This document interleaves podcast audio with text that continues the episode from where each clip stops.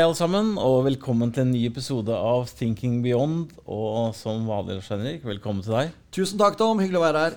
Så bra, Lars Henrik. Det er eh, litt som skjer om dagen. Det har jo kommet fram at uh, du faktisk skal bytte beite, Lars Henrik. Så jeg tipper at våre kjære lyttere er litt spent på det. Kan ikke du fortelle litt om uh, hvor veien går videre? Ja, etter fem år i formuesforvaltning, som har vært en fornøyelse, så har jeg nå fått mulighet til å lede et, et selskap eller initiativ innenfor havvindservice-markedet.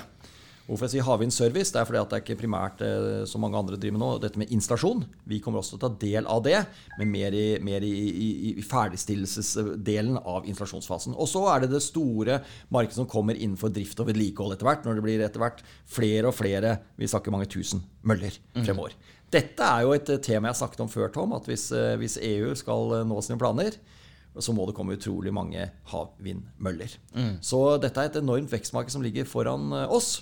Så en eh, del er kanskje ikke veldig overrasket det plutselig er å finne i det markedet. Jeg har jo jeg har snakket om det, jeg har klokketro på det. Mm. Og det blir enorm, en enorm serviceindustri rundt uh, disse store investeringene. Og en levetid på 20-25 år ute i Nordsjøen og andre steder. Så blir det stort vedlikeholdsbehov for at disse skal produsere den kraften det er tiltenkt for å få økonomien til å henge sammen. Mm.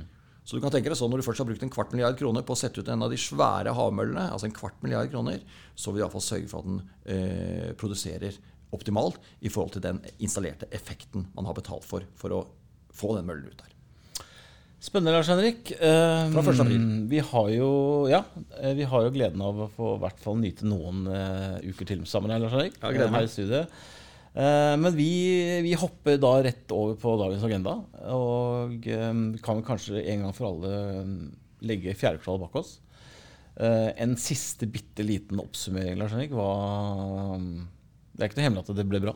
Nei, det ble, det ble, veldig bra. Og det er igjen noen få Vi har brukt denne SMP 500-indeksen som referanse for dette her. Eh, det er igjen noen få strøere når vi sitter her. Altså, men er for alle praktiske formål så har hele denne indeksen nå levert. Og da kan vi begynne å liksom snakke om de, de, de, de, samlede tallene. Og eh, det har vært et rekordkvartal. Og med det så mener jeg at eh, hvis vi ser på overraskelse, hvor mange selskaper har overrasket på sin inntjeningsvekst, altså nettoresultatet, og hvor mange har, om, har overrasket på, på, omsetning, altså salgstallene sine. Og der ser vi at det er neste mellom 75 og 80% av selskapene på denne indeksen her har overrasket. Mm. Og overraskelsen er ganske stor i prosent også. Så vi skal tilbake til finanskrisen og rett deretter for å se de samme overraskelsestallene. Og det er nok fordi at analytikerne ut av sånne eh, og for så vidt investorer og man, eh, man, man er litt forsiktig eh, når vi kommer ut av disse dype bunnene. Og eh, så ligger analytikerne og investorene litt etter, og derfor kommer disse overraskelseseffektene. Og så er det omvendt på de toppene når vi har hatt solskinnsår, flere solskinnsår på rad. Da blir kanskje estimatene litt sånn overmodige, og så kommer plutselig skuffelsene. Mm. Men akkurat nå har det vært ordentlig, en ordentlig overraskelseskvartal. Så det er det vi kan uh, fort si. Og det, er et rekordkvartal når det gjelder overraskelser. Men igjen, det jeg har sagt om før, som er det viktige nå, det er de enorme forventningene som ligger inn for 2021 og 2022. For én ting er hva som skjedde nå i fjerde kvartal 2020. Nå er det egentlig hva vi får levert i 2021 og 2022. Og da skal vi også ganske, ganske store eh, over, veksttall mm. Eh, på, på, inntjeningen eh, år over år. Så det er det som er det avgjørende nå, Tom. Nemlig.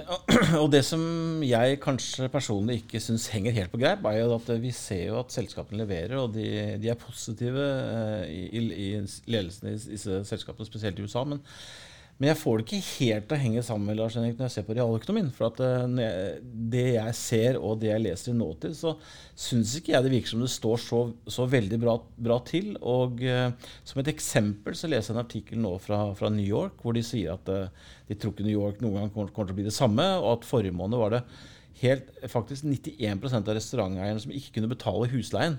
Og at det var over 1000 restauranter i New York nå som var, var borte. Så nå er det i USA, selvfølgelig, men dette er jo ikke noe som bare skjer der. Det skjer overalt. Mange sliter.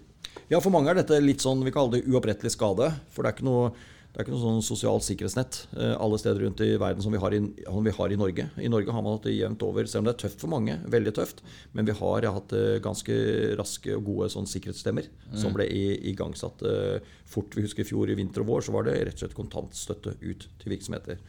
Og eh, Så vil alle ha mer, og det, noen faller igjennom. Så det, det, er veldig mange det er synd på, og veldig mange kommer til å gå konkurs og er på en måte ute av business for, for alltid. Men alt i alt så er dette håndtert veldig bra. Den, igjen ser vi at den nordiske modellen virker bra. Den liksom nordiske sosialdemokratiske modellen med, med, sikkerhetsnett. Det er en grunn til at vi har høye skatter her, men vi ser også at det, det, brukes for i sånn situasjon som er nå, så er myndighetene relativt raskt på banen. Men så vil alle selvfølgelig prøve å få mer, men eh, sett opp mot resten av verden så har vi det bra. Det er veldig ille når vi ser rundt oss at Eh, covid har satt seg med helt eh, voldsomme effekter for veldig mange. Eh, og det er bare på børsen det har vært en, på en, måte en fest. Og det gjelder jo mange av de vi, vi omgås, og en del av vår verden òg. Vi, vi, vi, hadde jo et veldig bra år i fjor. Mm. Eh, vi ser, ut fra hva vi skal gjøre, og det å skape avkastning. Og da tenker man at det, er altså, det skjer i et covid-år. ikke sant? Og så den, den festen man har opplevd på børsen, den er på langt nær ikke det samme du ser i realøkonomien eh, for veldig mange som lever, langt de fleste som lever utenfor børsen, og hva som skjer der. Så det skal man reflektere over når vi nå går framover, at det er, en, det er en voldsom oppgave som ligger eh, foran Eh, de forskjellige landene nå å fikse opp i de store problemene. Mm. Og da er, Det er greit. Når, eh, derfor er renta holdt eh, lavt inntil videre. Man kommer med stimuleringsprogrammer, men en eller annen gang fram i tid så må det komme en økonomisk vekst. Man må jo på en måte vokse seg ut av dette store gjeldsfjellet mm. som nå bare er økt gjennom covid ikke sant? via mm. støtteprogrammer. Både på privathånd for så vidt, og på, og på nasjonal hånd. Så det ligger en kjempejobb foran. Men eh, derfor vil det være trist hvis du enten nå Hvis politiske myndigheter nå prøver å, å, å øke skatter, så kan det stoppe opp en, eh, si, en, positiv utvikling ut fra denne bunnformasjonen vi har. Mm. Eller at rentene som jeg har sagt om før, går for fort opp og skaper en skremsel for markedet, så at du egentlig stopper økonomien litt for fort òg. Så det er, en, det er en hårfin balanse hva som nå skal skje. Så jeg håper jeg forklarer dette på en, liksom, en grei måte. Absolutt. Eh, jeg vet ikke om du har lyst til å kommentere det, men jeg, jeg leste jo bl.a. En, en annen rapport fra CNBC. Hvor, hvor, man sammenlignet dette. Nå snakket jeg om husleietakerne for, for, restauranter og bedrifter, men det vi, vi skal sammenligne litt tilbake fra um, finanskrisen 2008-2009, så kom CNBC ut med en rapport hvor det var, de fryktet at eller det var til sammenligning ca. 7 millioner boligeiere i USA som mistet hjemmene sine. Ja. Uh, mens nå frykter de at uh, det viser at opptil 30-40 millioner amerikanere står nå i fare for å bli hjemløse. Nettopp fordi at de ikke klarer å betale husleien. Så det er jo, som, som vi snakker om her, ganske store tall. og Det var litt egentlig bare for å sammenligne med at vi kanskje står overfor en enda større realøkonomisk krise for mange Eh, privatpersoner enn vi gjorde i finanskrisen. Ja, Vi har det. Og jeg tror veldig mange har et litt sånn forkvaklet syn f.eks. av eh, USA og den amerikanske drømmen. For vi, når man drar dit, så, så uh, drar det ofte disse kystbyene, enten det er New York eller Washington eller Miami eller LA eller San Francisco. Eh, men liksom beveger deg litt inn i, inn i, inn i baklandet. Mm. Dette gjelder de fleste land. Det gjelder også nede i Frankrike. og sånne ting, så er det, Folk er ved Rivieraen, men drar du altså 20-30 km inn, inn, i landet, så ser du altså en form for en fattigdom som du ikke trodde. og Sånn er det også i USA. Det er stadig større grupper. Mm. Eh, og Nå snakker vi flere titalls millioner kroner som har gått egentlig på en måte fra vondt til verre mm. i den krisen som er sånn. Og Det skal man tenke litt over her, at det er ikke, det er ikke bra. Og, og, kriseforståelsen er I Norge så har vi kommet alt i alt, selv om jeg sa at en del har fått det vondt og, og, lider av det som skjer. Men i andre store systemer, store eh, nasjoner, så er det veldig ille hva som skjer. Så her er det en sjau som skal gjøres. Mm. Og mange har jo opplevd egentlig problemer i finanskrisen. Man har ikke ordnet opp på mange måter for mange av, eller en stor del av befolkningen. Mm. Men børsen har gått, og det har gått pga. disse lave rentene. Men det er liksom festen har vært for, for, for noen, og ikke for, for alle. Så dette blir mer synlig nå. Så her er det en ordentlig sjau å ta fremover. Ingen vet helt hva nå som skjer. Det er bare at det ligger en voldsom opprydning foran oss. Og det er det vi må det syns jeg alle skal tenke litt over. Nemlig. Du nevner, nevner et nøkkelord som jeg har lyst til å komme inn på, Lars Henrik, og det er dette med renter. og øh, jeg, jeg, jeg, vil jo ense en bitte liten økning i volatiliteten på børsen om dagen. Vi, ja. hatt, eh, vi hadde for, Forrige uke hadde vi noen dager hvor det var ordentlig fall. og så hadde vi også til øh, denne mandagen var det veldig oppgang. Men eh, det er mye fokus på rentene. Det er verdens viktigste rente, som vi har sagt om flere ganger her i studio. Eh, tiåringen. Eh, dette med bratte rentekurver, det skjer noe der ute nå på, på rentesiden, faktisk? Ja, absolutt. Eh, la meg først ta dette med børs. Du sier at det er helt riktig. Vi ser gjennom februar så var det jo sånn at uh, Vi har før snakket om dette med verdi- og vekstfaktoren. Mm. Hvis du deler verdensindeksen i to og presser hver selskap eller hver aksje inn i en av de gruppene, er man en vekstaksje eller er man en diaksje, så så vi at det gikk ganske likt fram til rundt 17.2. Men etter det så så vi at vekstaksjene og for så vidt også EM-aksjene, emerging market, altså fremvoksende markeder, falt ned. Gjorde det dårlig. Og verdiaksjene gjorde det desidert best. Det ble et gap der på mellom 4 og 5% ut måneden fra 17 februar og ut måneden, altså ca. ti dager, Mm. så, så spredde det her ut med 4-5% Det er ganske, ganske mye. Mm. Så det skjer noe der. Og det, det så vi også i våre løsninger, Tom. For eh, februar vi gjorde det veldig bra. Men der ser vi at våre verdiforvaltere, sånn som f.eks. Kiltern og til dels Longview, gjorde det ekstremt bra. Og her snakker vi om altså forvaltere som var kanskje opp en, eh, mellom 7 og 7,5% rundt en 4 prosentpoeng bedre enn verdensindeksen, som var opp 3,3% i februar i norske kroner. Så her ser vi at det virker i våre løsninger, og det syns jeg er gøy å se. Det var et lite sidespor, men vi må markedsføre litt hva vi driver med. Februar ble en bra måned, og jeg kan også si til våre kunder at eh, når februar er ferdig, så er vi foran eh, referanseindeksen både for Norden og for eh, globalfondet vårt. Så, det er, så vi henger med og gjør en god jobb. Og det er ikke alle som klarer i disse litt vanskelige markedene. Så er det en bred diversisering som spiller inn her. Men tilbake til rentene dine. Eh, det er, eh, vi ser nå at eh, rentekurven blir brattere og brattere. Tiåringen er over eh, 1,5. Det er ikke så lenge siden det var liksom skrekkelig noen plasserte 1. Ikke sant? Nå er den i 1,5.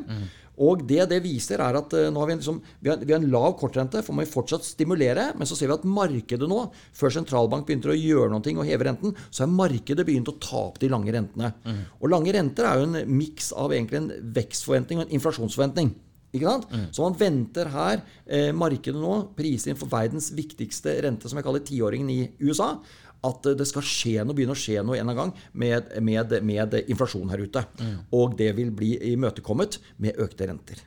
Så jeg har jo tidligere sagt at jeg tror ikke dette skulle bli en skremsel for i 2021. Men jeg er søren meg ikke helt sikker enda. Eh, og vi så, hvis vi går tilbake i fjerde kvartal 2018, så husker vi hva som skjedde med aksjemarkedet når renta stakk opp. og Da var det sentralbankene som begynte å heve renten. Det ble møtt med en voldsom børsnedgang. Man ville rett og slett ikke akseptere at renta nå skulle opp, for man mente at det tålte ikke økonomien. Det var altfor tidlig. Og hvis det var for tidlig i 2018, så er det iallfall for tidlig nå. Og da var jo liksom rentenivået over Da satte man det over rundt 2, eller i overkant av 2 i USA. Og det ble slått knallhardt tilbake. Og vi fikk store børsfall. Så eh, dette her er en eh, balansegang på line.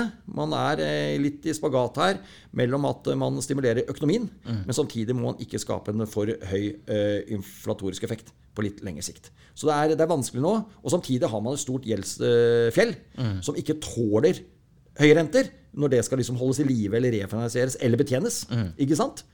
Så det er jo, du må tenke liksom USA, hvis de har liksom 25 eh, det, billioner dollar i gjeld, så er det liksom at hvert eneste prosentpoeng opp for å finansiere det, er 250 milliarder dollar i året. 250 milliarder dollar i året! Ikke sant? Det, er, eh, det er to tredjedeler av et norsk bruttonasjonalprodukt, eller eh, halvannen gang norsk nasjonalbudsjett, bare på 1% økning for å betjene gjelda. Så derfor sier du at mange av oss mener jo at verden tåler ikke høyere renter. Ikke? Og en gang snakker folk om vi må ha normaliserte renter. Hva er normaliserte renter når du ikke tåler dem? Det er det store spørsmålet. Ja, Det er veldig godt. Det siste ordet du sa da, var jo nettopp det som skjedde i, det, i 2018. som snakket om, var Ja. at eh, Nå står det litt stille for meg hvem som var sentralbanksjef i USA. Det var eh, ah, var det Gjelden, da? Var det ikke? Som da gikk ut og sa at, eh, at eh, normalrenten er, kommer ikke så eh, At den renten som vi har nå, det er ikke normalrenten. Nei. Og det er for lavt. Og det kicka markedet på med en gang. Og da fikk vi en uh, umiddelbar uh, børsfall. Det var det på det der uh, Jackson Hole-møtet, tror jeg det begynte. Men uh, sier greie.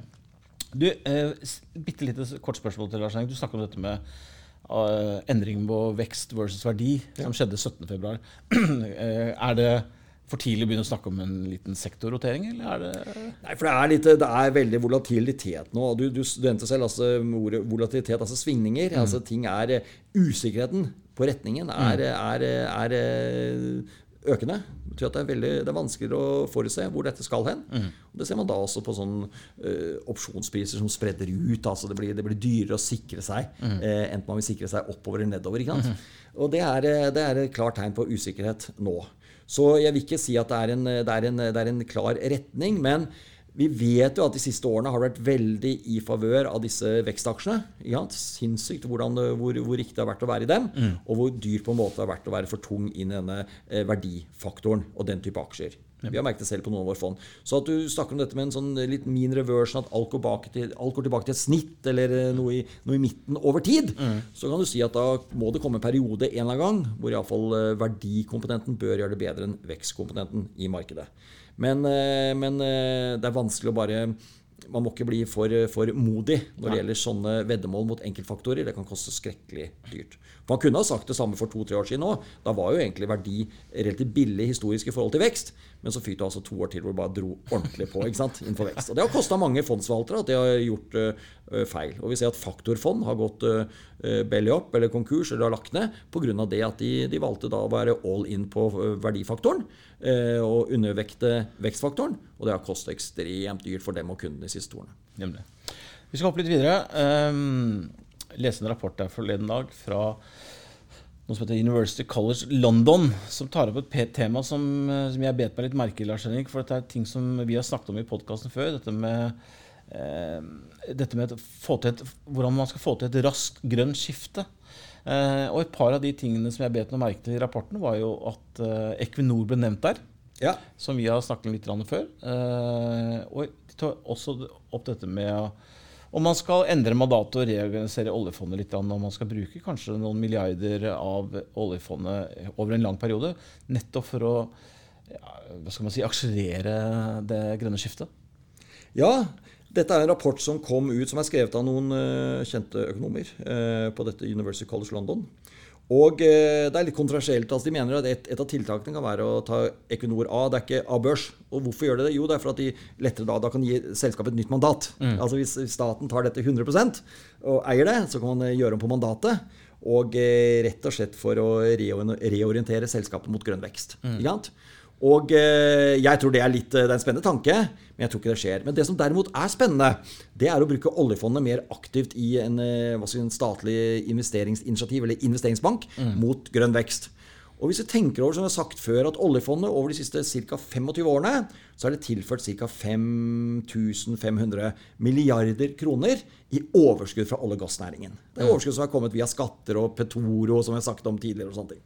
Så kanskje det er litt sånn payback time. da. Mm. Og da kan du tenke deg at man eh, kunne lagd et tiårsprogram nå, hvor man kan bruke 100 milliarder kroner av dette i året. Og for å, for å på en måte kickstarte eller være at staten er virkelig til stede med å finansiere denne grønne veksten og omstillingen. Mm. Og da er vi inne på det vi har nevnt før, dette med havvind i Norge og sånne ting kan du lage et eh, tilsvarende system som Petoro er. ikke sant? Petoro med petroleum og Oro som er gull. Men lage det altså et selskap heter Vind Oro eller et eller annet sånt, som mm. på vind og gull. Hvor staten er med på store midler for å få dette ordentlig i gang. Mm. Så 100 milliarder kroner i året over ti år, det er 1000 milliarder kroner. Da har vi fortsatt bare brukt tatt tilbake 20 eh, av det som olje og gass har tilført i rene midler mm. eh, inn til oljefondet. Og så er de siste 5-6 milliardene er jo rene avkastning som er kommet. Derfor er jo mm. oljefondet i dag på 11-12 milliarder 11 000 milliarder mm. kroner. ikke sant? Mm. Så det er bare en tanke som jeg liker, og jeg tror det kan ende opp i noe sånn. Og eh, vi som skal være i denne næringen, vil jo ønske slike ting velkommen. ikke sant? For eh, nå må, nå må Norge gi litt, gi litt, gass her. Og da mener jeg ikke naturgass. Da er det å gi gass på innenfor eh, grønne skiftet. Veldig bra. Det har du vært tydelig på mange ganger før. Du, Da er vi dessverre ved veis ende for denne gangen. Ja, så Blir det ikke tid til å snakke om det kommende ministermøtet i OPEC? Vi ta det tar vi neste uke. Ok, vi tar det neste uke. Strålende. Takk for i dag, Lars Henrik. Så kjære lyttere, så høres vi til uken. Det gjør vi. Gleder meg. Hei.